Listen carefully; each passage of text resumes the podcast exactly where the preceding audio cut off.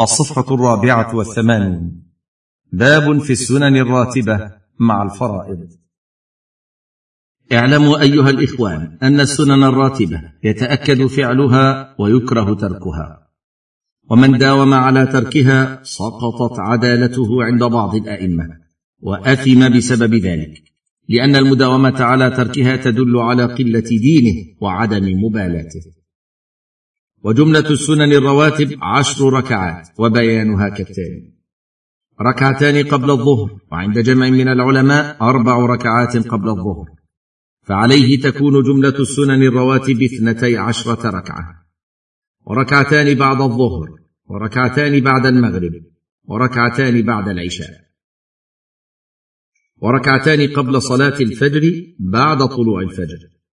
والدليل على هذه الرواتب بهذا التفصيل المذكور هو حديث ابن عمر رضي الله عنهما قال حفظت من رسول الله صلى الله عليه وسلم عشر ركعات ركعتين قبل الظهر وركعتين بعدها وركعتين بعد المغرب في بيته وركعتين بعد العشاء في بيته وركعتين قبل الصبح.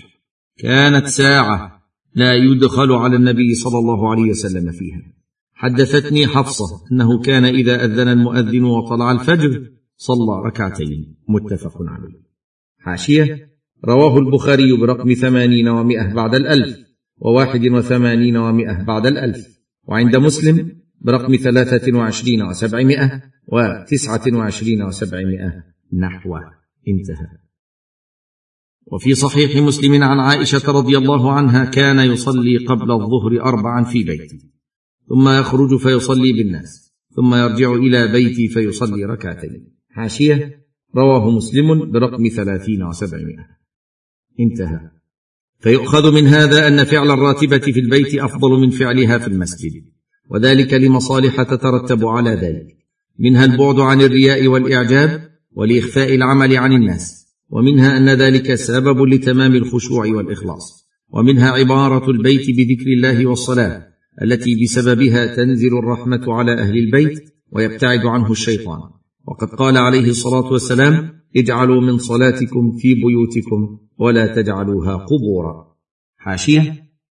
رواه أحمد في الجزء السادس برقم خمسة وستين والذهبي في السير في الجزء الثامن برقم تسعة وعشرين. وقال حديث نظيف الإسناد حسن المتن. فيه النهي عن الدفن في البيوت. ولفظ البخاري برقم اثنين وثلاثين وأربعمائة ومسلم برقم سبعة وسبعين وسبعمائة. اجعلوا في بيوتكم من صلاتكم ولا تتخذوها قبورا. انتهت الحاشية. وآكد هذه الرواتب ركعتا الفجر. لقول عائشة رضي الله عنها لم يكن النبي صلى الله عليه وسلم على شيء من النوافل أشد تعاهدا منه على ركعتي الفجر. متفق عليه. حاشيه البخاري برقم تسعة وستين ومائة بعد الألف ومسلم برقم أربعة وعشرين وسبعمائة. انتهى. وقال صلى الله عليه وسلم ركعتا الفجر خير من الدنيا وما فيها. حاشية رواه مسلم برقم خمسة وعشرين وسبعمائة. انتهى. ولهذا كان النبي صلى الله عليه وسلم يحافظ عليهما وعلى الوتر في الحضر والسفر. وأما ما عدا ركعتي الفجر والوتر من الرواتب فلم ينقل عن النبي صلى الله عليه وسلم أنه صلى راتبة في السفر غير سنة الفجر والوتر. وقال ابن عمر رضي الله عنهما لما سئل عن سنة الظهر في السفر قال لو كنت مسبحا لأتممت. وقال ابن القيم رحمه الله حاشيه في زاد المعاد. في الجزء الأول الصفحة الثالثة والسبعين والأربعمائة. انتهى. وكان من هديه صلى الله عليه وسلم في سفره الاقتصار على الفرض ولم يحفظ عنه أنه صلى سنة الصلاة قبلها ولا بعدها إلا ما كان من الوتر وسنة الفجر. والسنة تخفيف ركعتي الفجر لما في الصحيحين وغيرهما عن عائشة رضي الله عنها أن النبي صلى الله عليه وسلم كان يخفف الركعتين اللتين قبل صلاة الصبح. ويقرأ في الركعة الأولى من سنة الفجر بعد الفاتحة قل يا أيها الكافرون. وفي الثانية قل هو الله أحد. أو يقرأ في الأولى منهما قولوا آمنا بالله وما أنزل إلينا. الآية التي في سورة البقرة. ويقرأ في الركعة الثانية قل يا أهل الكتاب تعالوا إلى كلمة سواء بيننا. الآية التي في سورة آل عمران. حاشية. البخاري برقم واحد وسبعين ومائة بعد الألف ومسلم برقم أربعة وعشرين وسبعمائة انتهى. وكذلك يقرأ في الركعتين بعد المغرب بالكافرون والإخلاص لما روى البيهقي والترمذي وغيرهما عن ابن مسعود قال ما أحصي ما سمعت من رسول الله صلى الله عليه وسلم يقرأ في الركعتين بعد المغرب وفي الركعتين قبل الفجر قل يا أيها الكافرون وقل هو الله أحد حاشية رواه الترمذي برقم واحد وثلاثين وأربعمائة وقال غريب وابن ماجه برقم ستة وستين ومائة بعد الألف والطبراني في الأوسط برقم سبعة وستين وسبعمائة وخمسة آلاف وقد روي بإسناد جيد وابن عدي في الكامل في الجزء الخامس والصفحة الثامنة بعد الثلاثمائة انتهى وإذا فاتك شيء من هذه السنن الرواتب فإنه يسن لك قضاؤه وكذا إذا فاتك الوتر من الليل فإنه يسن لك قضاؤه في النهار لأنه صلى الله عليه وسلم قضى ركعتي الفجر مع الفجر حين نام عنهما وقضى الركعتين اللتين قبل الظهر بعد العصر حين شغل عنهما.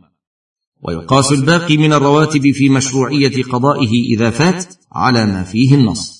وقال صلى الله عليه وسلم من نام عن وتره أو نسيه فليصله إذا أصبح أو ذكر. رواه الترمذي وأبو داود. حاشية رواه الترمذي برقم خمسة وستين وأربعمائة وأبو داود برقم واحد وثلاثين وأربعمائة وألف. انتهى. ويقضى الوتر مع شفعه لما في الصحيح عن عائشة رضي الله عنها. كان النبي صلى الله عليه وسلم إذا شغله من قيام الليل نوم أو وجع صلى من النهار اثنتي عشرة ركعة. حاشية صحيح مسلم برقم ستة وأربعين وسبعمائة. انتهى. أيها المسلم حافظ على هذه السنن الرواتب لأن في ذلك اقتداء بالنبي صلى الله عليه وسلم. وقد قال الله تعالى لقد كان لكم في رسول الله أسوة حسنة لمن كان يرجو الله واليوم الآخر وذكر الله كثيرا. الصفحة السادسة والثمانون. وفي المحافظة على هذه السنن الرواتب أيضا جبر لما يحصل في صلاة الفريضة من النقص والخلل. والإنسان معرض للنقص والخلل وهو بحاجة إلى ما يجبر به نقصه. فلا تفرط بهذه الرواتب أيها المسلم فإنها من زيادة الخير الذي تجده عند ربك. وهكذا كل فريضة يشرع إلى جانبها نافلة من جنسها كفريضة الصلاة وفريضة الزكاة وفريضة الصيام وفريضة الحج. كل من هذه الفرائض يشرع إلى جانبها نافلة من جنسها. تجبر نقصها وتصلح خللها. وهذا من فضل الله على عباده حيث نوع لهم الطاعات ليرفع لهم الدرجات ويحط عنهم الخطايا. فنسأل الله لنا جميعا التوفيق لما يحبه ويرضاه. إنه سميع مجيب.